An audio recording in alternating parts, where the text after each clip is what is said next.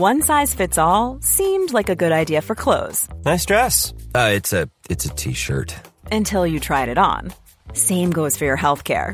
That's why United Healthcare offers a variety of flexible, budget friendly coverage for medical, vision, dental, and more. So, whether you're between jobs, coming off a parent's plan, or even missed open enrollment, you can find the plan that fits you best. Find out more about United Healthcare coverage at uh1.com. That's uh1.com.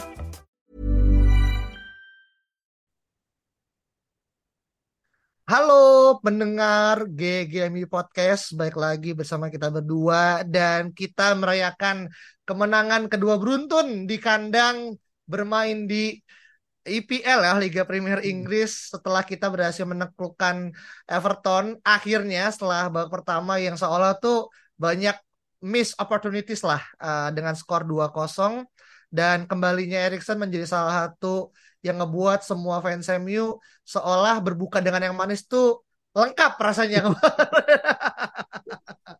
nah, tapi kita mulai dari starting ya, uh, Vin. Di mana akhirnya Maguire uh, me- mengambil posisinya Varane dan selain daripada itu tidak ada yang totally berubah. Uh, selain emang akhirnya uh, Anthony Martial kembali dari bangku cadangan. Tapi lu ngelihat formasi ini kan sesuai dengan apa yang kita sempat omongan di preview kan. Tapi lu ada komen nggak terkait dengan apa yang Tenak ambil kemarin?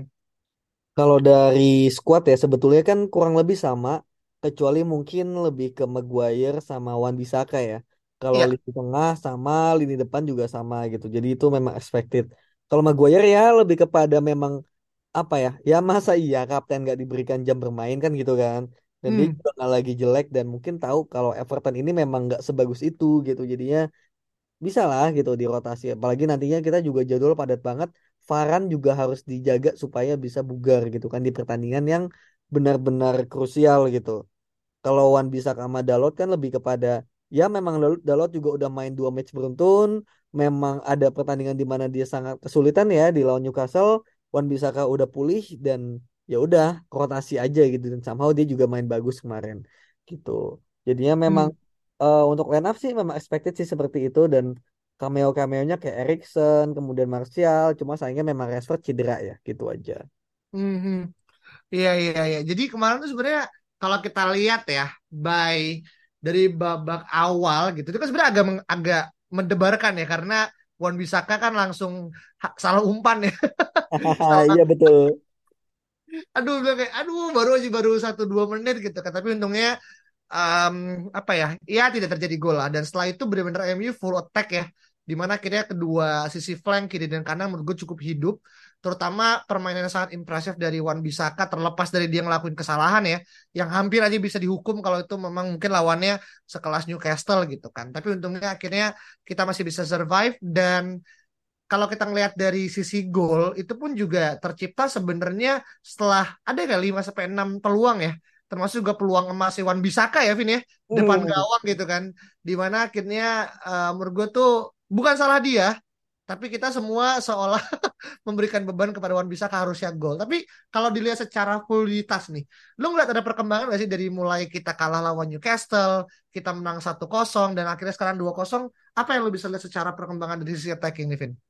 Kalau dari fluiditas itu udah pasti ya, di mana mungkin ketidakadaan, ketidakhadiran Weghorst ini memang sangat berpengaruh gitu. Jadi lini depan kita jadi sangat cair, kadang Rashford ke kiri, Sancho di tengah gitu. Anthony juga kemarin bagus banget gitu dan bagusnya memang lebih kepada dia bisa memanfaatkan space di belakangnya si eh, siapa Godfrey ya, yang mana Hmm. juga kayaknya agak kesulitan buat ngejaga si Anthony.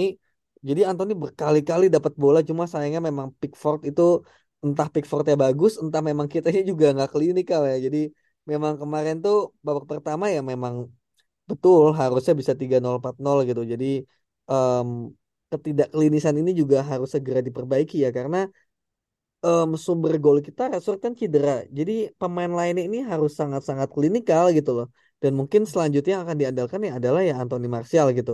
Semoga dia juga tidak terbebani ya dengan beban itu dan dengan kembalinya Casemiro dan Erikson nantinya ya ke eh, skuad utama, menurut gua Bruno ini juga bisa menjadi apa ya eh, pendulang gol juga gitu atau pendulang assist yang mana kemarin itu lacking karena memang Bruno bermain lebih deep kan dan Bruno juga bagus banget mainnya sebagai deep lying playmaker. Jadi memang pada akhirnya ya banyak pemain-pemain yang eh, harus bermain tidak sesuai pada posisinya dan ya kemarin salah satunya Bruno dan dia bagus sih. Hmm, iya. Dan itu pun juga Bruno sebenarnya jadi semacam kayak unsung hero ya, di mana dia tepat kayak nomor 6 berarti ya, bareng sama McTominay kan. Dan cara bermain dia menurut gua apa ya? Gua nggak tahu ya apakah ini orang sangat versatile bahkan sampai bisa taruh sebagai nomor 6 dan umpan-umpan yang dia berikan kan ke depan ya dalam arti ke baik itu keras ke uh, Sancho sisi dan juga Anthony kanan kan sering juga akhirnya ngebuat kocar kacir uh, apa lini belakangnya Everton bahkan di babak pertama berakhir babak kedua mulai kan Ben Grovic harus diganti kan Iya. sama Golopato sama siapa ya diganti Nikolenko.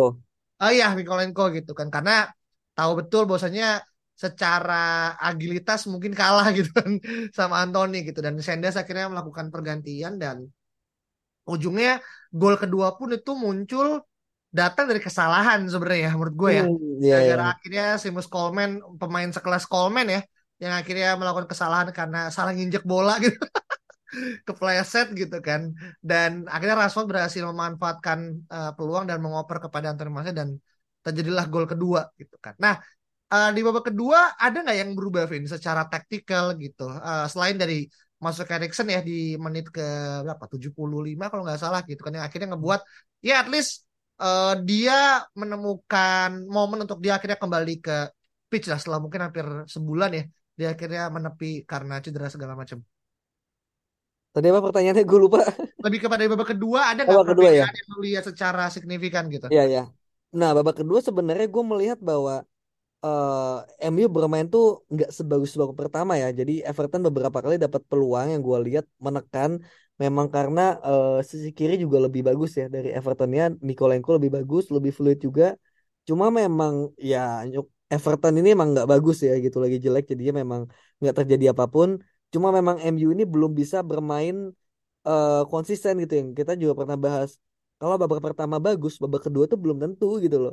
Dan kemarin memang terjadi lagi sampai akhirnya ada momen di mana ya kita dapat gol kan, gol kedua yang mana itu akhirnya kill the game.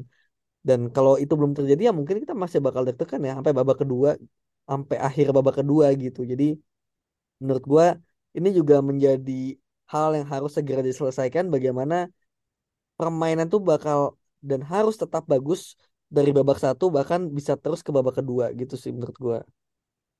Hmm, hmm, hmm. Iya, jadi memang kayak ada beberapa, momen ya di babak kedua di mana akhirnya kita hampir spot jantung Iya. yang ngebuat akhirnya gawang De Gea eh, ya inilah ya hampir eh, menemukan celahnya gitu kan. Tapi untungnya beberapa blok ya yang krusial dilakukan sama eh, McTominay dan juga Licha yang ngebuat akhirnya beberapa shoot dari luar kotak penalti harus gagal gitu. Tapi menurut gua apa yang terjadi di babak kedua tuh benar-benar di luar ekspektasi gitu. Kenapa? Karena gue ngerasa ketika kemarin Anthony itu ditarik keluar, menurut gue tuh agak terlalu kecepatan ya. Eh, karena kan ketika Anthony tarik kan ternyata pas saja pada itu kan ada beberapa pemain yang akhirnya cedera kan. Ya termasuk Rashford, juga termasuk juga sempat Harry Maguire kan. Dia Iya. mengeluhkan pahanya gitu. Menurut gue kayak ya kita udah nggak punya lagi substitution man gitu. Maksudnya pemain sih ada, cuman udah abis gitu. Jadi menurut gua kemarin tuh terlalu terburu-buru buat uh, Ten Hag akhirnya mengeluarkan Anthony dan apakah lu setuju nggak? Ataukah emang ini lebih kepada untuk melakukan rotasi karena kita akan bermain di hari Kamis melawan Sevilla atau lebih kepada untuk memanaskan Anthony Martial sedikit lebih cepat dari apa yang mungkin di babak eh, di sebelumnya kan dia masuk di menit 80 ya. Hmm. Sekarang kan agak mulai turun tuh 70 dan mungkin besok ketika akhirnya melawan Sevilla dengan kondisi Rashford yang harus menepi karena mungkin dia cedera di bagian pangkal paha gitu. Apakah ini adalah momen untuk akhirnya menyiapkan dia untuk main dari starting, Win? Iya iya ya, itu memang memang pada akhirnya eh, semua kan juga dikondisikan ya bagaimana Anthony Martial satu sisi harus mendapatkan menit bermain, satu sisi lainnya juga harus di manage juga gitu dan ya dari tiga depan ya harus dipilih satu gitu. Dan Sancho kemarin kan di lawan Brentford juga udah diganti kan gitu. Jadi menurut gue gantian aja gitu dan mungkin Anthony agak nggak terima ya makanya dia masih duduk gitu kan. Iya. Tangkap kamera kan dia masih kayak anjing gitu. Gue belum capek, gue masih bisa main gitu. Cuma memang ya memberikan tempat juga sih buat yang lain menurut gue itu eh, harusnya nggak ada salahnya dan untungnya dia juga nggak emosi ya gitu kayak ya udahlah gue terima aja gitu kan situasi dia diganti gitu. Sancho masih bagus lagi bagus. Dan mungkin si Ten Hag juga mau melihat Sancho bagaimana nih kalau misalnya diposisikan di uh, sisi kanan gitu aja. Jadinya kemarin uh, lebih ke Anthony diganti. Dan menurut gue ini juga lawan Sevilla kan berat ya. Jadinya menurut gue uh, dengan digantinya Anthony seharusnya dia juga bisa lebih fresh nanti. Jadi apa ya ya percaya pada pelatih. Dan menurut gue Anthony juga gestur cukup bagus meskipun dia kecewa tapi dia tidak menunjukkan itu ke depan pelatih sih. Jadi nggak masalah hmm. Hmm. iya iya. Karena mungkin kekecewaan Anthony lebih pada ada peluang-peluang yang harusnya dia bisa gol kali ya. Oh nah, itu yang mungkin akhirnya menjadi kegeraman dirinya sendiri gitu. Kalau dibandingkan sama sebelumnya kan dia kesel karena mungkin dia nggak dapat banyak peluang jadi gantikan gitu kan. Nah kalau sekarang kan mungkin dia ngerasa kayak ini salah gue juga mungkin kayak dia harusnya bisa dapat satu atau dua gol gitu kan tapi ujungnya gagal gitu. Yang mana salah satu kesempatan emasnya Anthony datang dari seseorang yang quote unquote ya anomali itu adalah David De Gea gitu kan. Iya iya iya. Nah lu lihat apa nih? Kemarin De Gea kerasukan eh, Ederson kan? Gimana yeah, beda yeah, yeah. Iya memang memang nih orang memang membingungkan ya gitu kayak apa ya ya namanya kada yang namanya tradisi uh, apa ya modern goalkeeper ya memang nggak cuma itu gitu. Dan memang untuk long ball kayak gitu somehow De Gea itu sempat punya bagus gitu loh di zamannya Van Gaal gitu. Cuma nggak pernah kelihatan lagi gitu. Jadi dia kalau misalnya mungkin ngelihat ada orang jauh di sana gitu kan dia bisa tuh. Tapi kalau orangnya dijaga ya itu susah juga buat benar-benar apa namanya mengarahkan ke pemain tersebut gitu. Gitu. Jadi kebetulan Anthony kemarin kosong diarahkan ke sana pantulannya juga pas juga gitu. Itu kalau misalnya apa Anthony masuk asis kan David De Gea kan? Iya. Langsung mungkin apa ya gua di Twitter mungkin langsung pada bikin gue diem kan. Gue minta apa namanya ganti David De Gea tiba-tiba De Gea asis kan wah gila juga gitu. Iya iya iya iya, iya. ya maksud gue adalah ya itu satu momen gitu kan. Satu momen kadang nggak bisa jadi kesimpulan untuk satu season atau bermusim-musim yang udah terjadi kan gitu. Mm-hmm. Iya iya iya dan gue juga agak kaget. Meskipun ya kalau kita ngelihat cara permainan Everton kan mereka menggunakan highline ya. Tinggi banget men gitu. Dan itu gak cuma sekali dua kali ya gitu. Beberapa kali umpannya Bruno pun juga akhirnya mengarahkan ke, ke posisi yang kurang lebih sama gitu kan. Dan mungkin juga dia berkaca pada pertandingan lawan Newcastle menurut gue sih kemarin ya Everton juga bermain cukup pressing kan uh, as in secara bagaimana kayak dia mulai dari garis depan segala macam dan gue juga cukup uh, salut ya dengan bagaimana segitiga yang dibentuk antara uh, Bruno Mars eh sorry Bruno Maguire dan juga Richard mana cukup efektif gitu kan untuk yeah. akhirnya melabui dan uh, sekali lagi McTominay bermain ya gue nggak bilang bagus banget ya karena beberapa kali juga kehilangan bola kan di area kita yang akhirnya ngebuat kita akhirnya harus kena counter gitu. Tapi dengan gol kemarin ya menunjukkan bahwasanya mungkin dia malah lebih cocok untuk bermain di posisi ke depan kali ya gitu ya. Mungkin nomor 8 gitu kan atau bahkan sesekali di nomor 10 gitu kan. Lalu ngelihat untuk McTominay sendiri kemarin dia bermain sebagai double pivot bersama dengan Bruno apakah ada hal yang berbeda karena kan sebelumnya kan dia cenderungnya sama Fred ya yang mana mungkin udah lebih klop karena kemarin dengan Bruno apakah lu ada perubahan yang signifikan dari McTominay kan dia harus ngejaga kualitasnya mirip dengan Bruno atau gimana Vin? Dan dia bisa mencetak gol kemarin.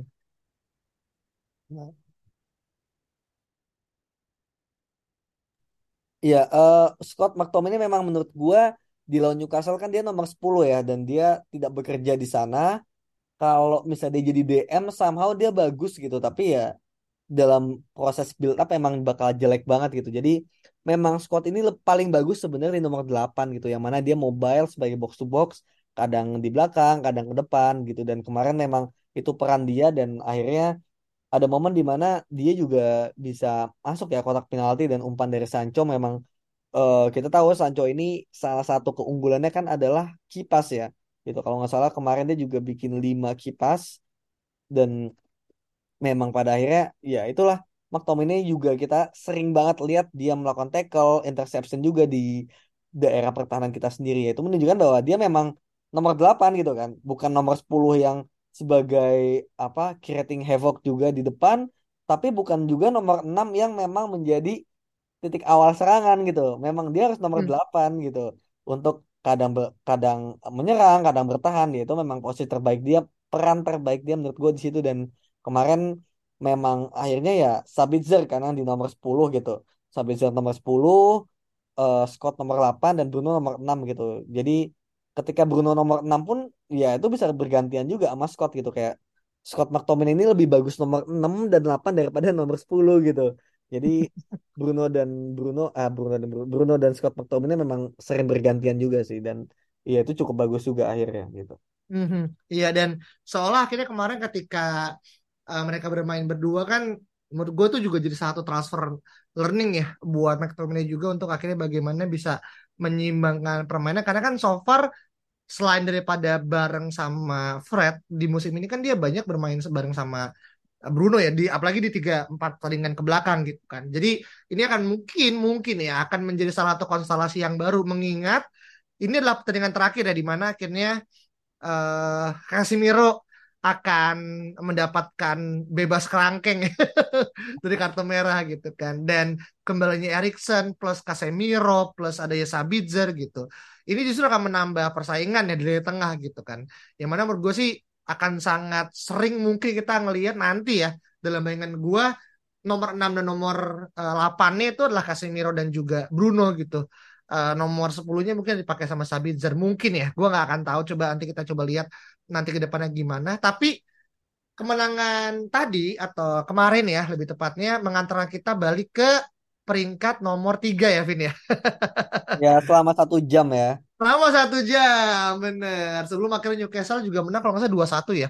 Iya. lawan Brentford nggak sih? Kalau gue nggak Oh. salah West Ham ya? Brentford ya? Iya Brentford. Brentford gimana Brentford kan juga ya cukup menyulitkan juga ya. Apalagi MU kan juga kemarin cuma menang 1-0 doang kan eh, lawan Brentford. Jadi menurut gue ini adalah hal yang akhirnya menjadi salah satu peta persaingan yang sangat ketat. Satu sama dua bersaing tiga sama empat bersaing gitu kan.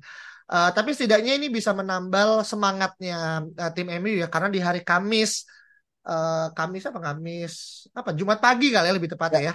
Bahwasanya MU akan menjamu another team from Spain gitu kan. Setelah berapa kali? Tiga kali ya kita ketemu Ya, ya. sama uh, tim Liga Spanyol di ya Copa paling Rey kan ya? Apa? Copa del Rey ya ini ya. Iya, kita ketemu sama Sevilla, eh, di mana ini bukan lawan baru ya. Eh, kita udah sering juga ketemu sama Sevilla juga kan di beberapa pertemuan dan gimana lo ngelihat pertandingan lawan Sevilla? Apakah dengan dua kali kemenangan ini cukup menjadi modal yang kuat untuk bisa mengamankan? Gue nggak ngomong tiga poin ya kan, soalnya kan ini kan lebih ngomongin masalah kemenangan ya. Dan agregat meskipun udah nggak lagi dihitung ya. Uh, tapi kan tetap uh, kita bagaimana akhirnya bisa mengunci kemenangan dengan angka yang menurut gue cukup ya menjanjikan lah. Dan lebih dari dua gol sih menurut gue harusnya itu possible. Karena kan ingat kita menang 1-0 lawan Brentford 2-0 lawan Everton. Siapa tahu gitu kan De Gea clean sheet lagi gitu. dan Anthony Martial mungkin bisa menyumbang hat trick pertama di musim ini gitu kan. Tapi lo gimana melihatnya uh, tandingan besok Wah, lawan Sevilla ini sebetulnya Sevilla lagi jelek ya kalau ngomongin di liganya. Kalau nggak salah dia ranking berapa? 14, 15, 16 gitu. Jadi menurut gua gua gua nggak tahu ya Sevilla mainnya kayak gimana karena udah lama juga dan apa namanya? Bentar ini gue sambil nonton Liverpool, Liverpool hampir hampir hampir ngegolin jadi gua agak terdistraksi. Oke. eh apa namanya? Bentar, bentar, bentar. Ah, goblok. Oke. Iya.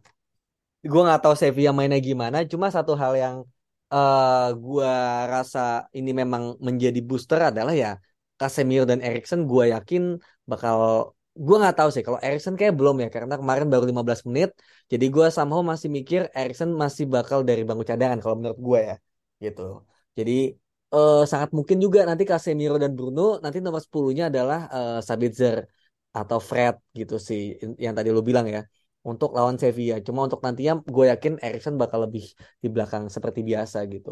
Dan menurut gue dengan hadirnya Casemiro aja itu udah mungkin nambah nyawa 30% menurut gue gitu loh. Ini adalah nyawa yang sangat besar. Jadi menurut gue eh, cuma mungkin satu hal yang menyulitkan adalah ya itu tadi Marcus Rashford yang cedera gitu. Jadi em, gua nggak tahu depannya bakal seperti apa. Sancho udah pasti di kiri, Anthony pasti di kanan. Nah untuk depannya apakah Martial atau Weghorst ini yang kita masih nggak tahu. Kayak Martial somehow masih sangat dijaga untuk kebugarannya, tapi kalau Weghorst itu kayak terlalu apa ya kayak terlalu statis gitu loh. M- apa ya?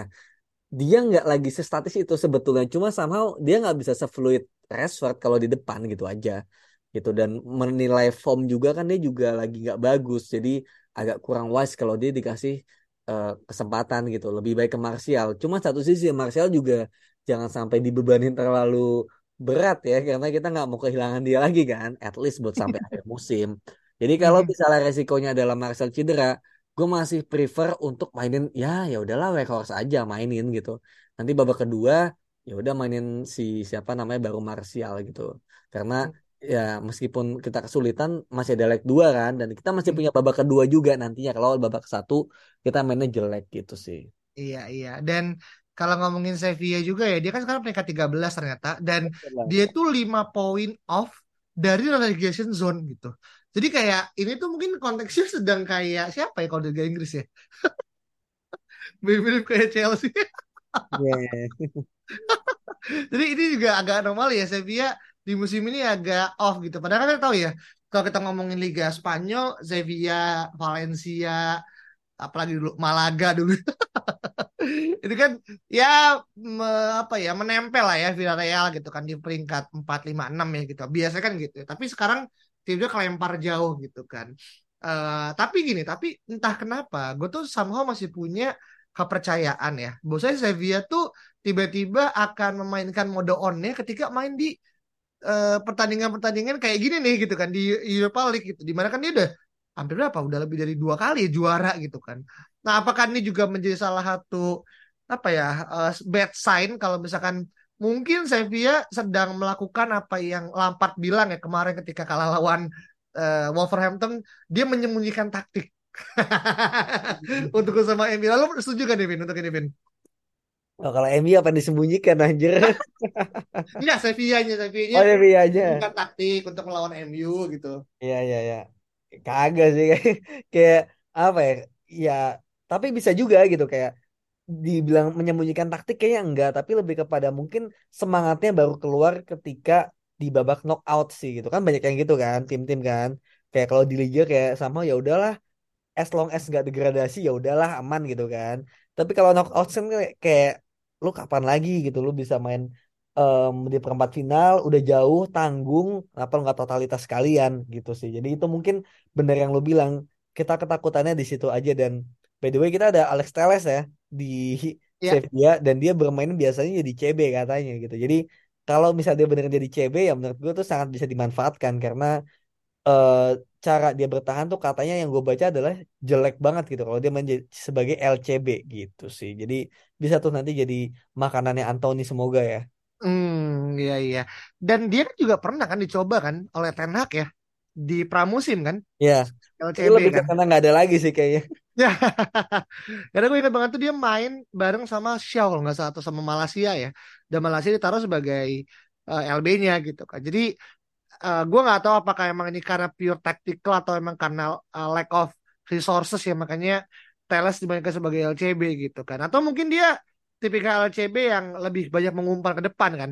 Karena kan satu kelebihan dia kan adalah ini ya apa pasnya dia kan yang akhirnya cukup akurat gitu untuk ngambil-ngambil bola-bola mati dan juga mungkin umpan langsung dari belakang ke depan. Tapi in the end of the day ketika sekarang akhirnya Sevilla formnya lagi buruk atau lagi terpuruk, ini adalah hal yang harusnya dari babak atau dari pertandingan besok nih kita harus mengamankan eh, securing spot ya. Karena kan juga di bulan April kita tahu kan betapa peliknya schedule MU gitu kan. Kita masih ada FA Cup kita juga masih ada Liga Inggris dan kalaupun besok bisa mengamankan eh, tiga poin dalam tanda petik ya dan juga menang dengan skor agregat yang cukup oke di babak nanti ya di eh, next eh, match-nya gitu kan kita main away kita bisa menurunkan lapis kedua gitu kan. Yang mana ya harapan lebih kepada untuk menahan imbang aja gitu segala macam gitu. Nah tapi itu kan kita ngomongin Sevilla. Nah kalau balik kepada tim, tadi kan lu bilang ya Erikson mungkin belum akan main dan eh, squad mungkin nggak akan berubah karena ya, ya itu itu aja gitu kan.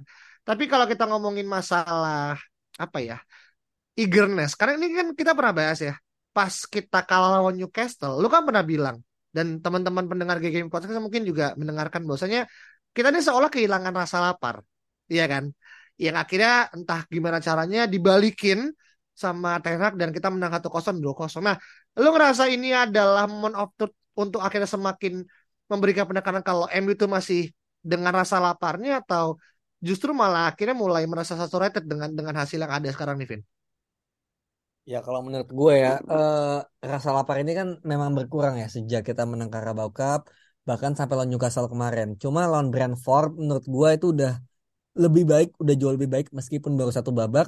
Dan lawan Everton kemarin juga udah membaik juga gitu, di mana berkat kerja keras juga kita akhirnya bisa cetak gol kedua gitu, meskipun juga uh, ada ini ya apa kesalahan dari lawan juga gitu. Cuma gue melihat bahwa uh, mungkin juga bahwa ke apa ya eagerness itu berkurang karena memang yang gue pernah bilang gitu ya Erikson, Casemiro itu nggak ada tuh mempengaruhi mental juga gitu. Jadi yang biasanya mungkin kalau lagi nggak begitu lapar gampang naikinnya ini susah gitu karena lu nggak pede gitu dengan lini tengah yang ada gitu sih. Jadi dengan Casemiro udah kembali menurut gua harusnya at least udah lebih steady tengahnya. Jadi nggak akan semudah itu untuk di uh, apa dibongkar lah kasarnya gitu. Jadi hmm. menurut gua masalah eagerness ini gue yakin juga harusnya ya Casemiro tuh bakal semangat banget gitu untuk memimpin lini tengah supaya lebih Spartan lagi dalam merebut bola dan kemudian bisa uh, cetak gol lagi.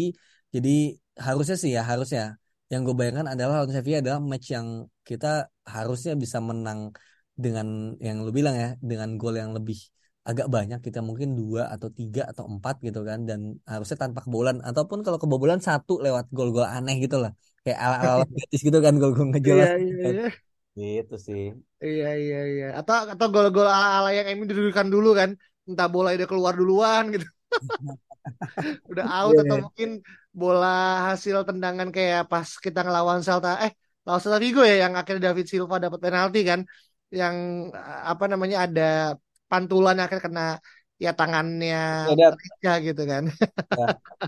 Jadi ini hal yang akhirnya menjadi inilah apa semoga tidak terjadi. Tapi kalau berkaca pada pertandingan terakhir melawan Everton, MU itu udah 24 game di Old Trafford tuh nggak terkalahkan. Jadi menurut gue ini adalah satu stats yang perlu untuk menjadi warning ya untuk uh, apa Zavia gitu karena dia melawan tim yang sedang dalam kepercayaan diri tinggi dan juga secara statistik MU main di kandang tuh uh, terakhir kali kalah mungkin tahun lalu kali ya kalau dulu pertandingan gitu kan jadi ini hal yang menjadi salah satu poin penting termasuk gitu kan kembalinya Casemiro gini yang akhirnya dia dengan uh, komposisi Liga Spanyol sangat dekat banget karena dia kan baru musim lalu kan untuk akhirnya main di Liga Spanyol gitu. Nah, apakah ini akan menjadi kunci untuk akhirnya kita bisa sekali lagi mendominasi uh, Liga Spanyol lewat uh, Sevilla, Vin, dengan adanya Casemiro, Vin? Iya ya, sangat mungkin gitu. Kayak Barcelona aja bisa gitu kan dimakan dengan apa ya? Gue juga kaget ya Barcelona dengan mudahnya bisa kita kalahkan. Malah kayak lawan gue pernah bilang ya lawan Leeds sama lawan Newcastle lebih susah daripada lawan Barcelona gitu. Nah, jadi menurut gue Sevilla ini dengan hadirnya Casemiro di lini tengah harusnya tuh apa ya, bisa dengan lebih mudah lah gitu kan. Apalagi kalau misalnya Erikson nanti bisa mengambil alih lini, lini tengah, bisa membantu untuk build up dan Bruno akan fokus untuk uh, melakukan yang namanya uh, membuat peluang gitu. Jadi yang dari kemarin mungkin kita susah buat peluang atau nggak klinis itu bakal lebih gampang lagi harusnya gitu. Weghorst pun juga harusnya bisa lebih apa ya lebih dapat peluang lebih banyak lah dan bisa cetak gol semoga ya karena gol dia kan baru dua ya kalau nggak salah itu dari rebound semua di apa Carabao sama di sini di apa Europa League lawan Betis jadi gue juga berharap harus bisa cetak gol sih setidaknya buat uh, kepercayaan diri gitu jadi kalau misalnya lo tanya apakah bisa dimakan Sevilla harusnya bisa gitu karena Casemiro is back man Asik ya. Ya tahu ya bagaimana drama-drama Casemiro ya kemarin pas lagi bermain lawan tim Liga Spanyol kan. Jadi mungkin lagi mik-mik yang bisa untuk dijadikan suatu apa ya, suatu motivasi lah gitu. Tapi ini juga kemarin gue baca ya, kemarin tuh pas lawan Celta Vigo ternyata tuh Sevilla main dengan 10 pemain gitu karena Marcos Acuña pemain yang baru aja dapat juara Piala Dunia ya bersama dengan Argentina dapat kartu merah gitu. Tapi kan karena memang akhirnya bermain di liga kompetisi yang berbeda kan dia bisa main ya tetap ya. di lawan MU gitu kan. Jadi ini uh, apa namanya beberapa nama juga menurut gue sih apa namanya Sevilla juga datang dengan nama-namanya menurut gue cukup oke okay ya kayak di depan ada Yusuf and Nesri gitu kan. Terus juga ada nama-nama kayak Brian Gill terus juga kayak Suso gitu kan. Uh, terus juga ada Lamea gitu kan. Yang mana Edis gue gitu kan. Yang mana kayak menurut gue tuh jadi hal-hal Sevilla tuh bukan datang dengan nama yang berlabel bintang bintang satu gitu. Dia pun juga bintang tiga bintang empat. Tapi memang kenapa akhirnya ada disfungsional di tim Sevilla? Nah, ini yang kita mungkin nggak pernah tahu ya apa yang terjadi. Apakah emang karena pindah pelatih atau emang karena kehilangan motivasi we never know gitu kan tapi kita berharap bahwasanya MU akan berhasil untuk bisa mengamankan poin dan terakhir nih Vin kalau kita kalau lu boleh akhirnya bisa memberikan satu nama siapa pemain MU yang mungkin bisa memberikan signifikansi besar selain daripada mungkin nama-nama kayak Casemiro ataupun Wakehorse yang mungkin bisa jadi akan jadi kuda hitam di pertandingan besok? Menurut gue Anthony sih. Anthony okay. menurut gue lagi bagus. Dia juga lagi dapat formnya dan lawan Everton kemarin dia pertama kalinya ya di gue melihat dia melakukan beating man gitu loh. Biasanya dia nggak kayak gitu, biasanya dia langsung cut inside kan. Tapi dia lang dia pakai sprint terus dia crossing kaki kanan gitu. Kayak jarang banget dia melakukan itu dan akhirnya dia melakukan itu gitu. Jadi menurut gue uh, kalau kata Scholes ya kemarin lawan Everton itu adalah permainan terbaiknya Anthony meskipun menurut gue nggak bukan yang terbaik sih gitu cuma at least mungkin ada hal-hal yang dia berkembang dari sisi itu ya kayak dia mau crossing kaki kanan dia juga mau melakukan variasi dalam gerakannya gitu. Dia masih 21 atau 22 tahun jadi masih banyak banget sih room for improvementnya.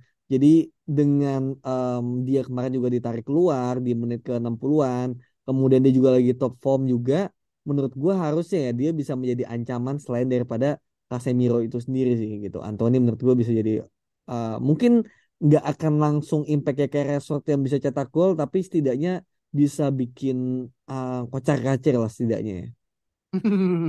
Iya iya iya iya iya. Ya jadi dan gue berharap banget ya Sancho dan Anton ini sama-sama hidup ya karena mereka berdua kan seangkatan ya dalam arti itu umurnya sama datang dengan high profile yang sama dengan budget didatangkan juga kurang lebih sama lah ya di angka 90-an gitu kan. Jadi uh, gue jujur pengen banget mereka berdua kita bisa dan udah sering ya di match kemarin juga main bareng segala macam. Tinggal bagaimana konsistensi aja gitu kan. Ya at least gak usah nyetak gol lah, tapi asis atau bahkan pre asis ya menurut gue tuh udah cukup untuk bisa memberikan kontribusi kepada tim gitu. Tinggal nanti siapa pun yang menyelesaikan sih itu masalah siapa pun lah ya dan harapannya sih mereka berdua bisa bersinar gitu. Nah, mungkin kalau teman-teman ada pendapat berbeda ya mengenai pertandingan besok melawan Zevia apakah kita bisa menang dengan mudah? Karena pure faktor form MU dan juga Sevilla yang lagi menurun. Atau memang ada nilai historis atau mungkin catatan sejarah yang akhirnya ngebuat Sevilla tidak bisa dipandang remeh ketika balik ke piala-piala seperti ini? Yang mana mungkin mereka juga Eh, bisa dibilang ya, ah, oke okay, nggak apa-apa deh di peringkat 13 tapi gue juara Piala UEFA gitu kan, bisa kembali lagi ke zona Liga Champion gitu kan, who knows gitu. Jadi kita menunggu hasil di hari Kamis dan jangan lupa teman-teman untuk follow Twitter dan juga Spotify GGMI Podcast dan kita ketemu lagi pada episode berikut ya. Bye bye. Mom deserves the best, and there's no better place to shop for Mother's Day than Whole Foods Market. They're your destination for unbeatable savings, from premium gifts to show-stopping flowers and irresistible desserts. Start by saving 33% with Prime on all body care and candles. Then get a 15-stem bunch of tulips for just $9.99 each with Prime. Round out Mom's menu with festive rosé, irresistible berry chantilly cake, and more special treats. Come celebrate Mother's Day at Whole Foods Market.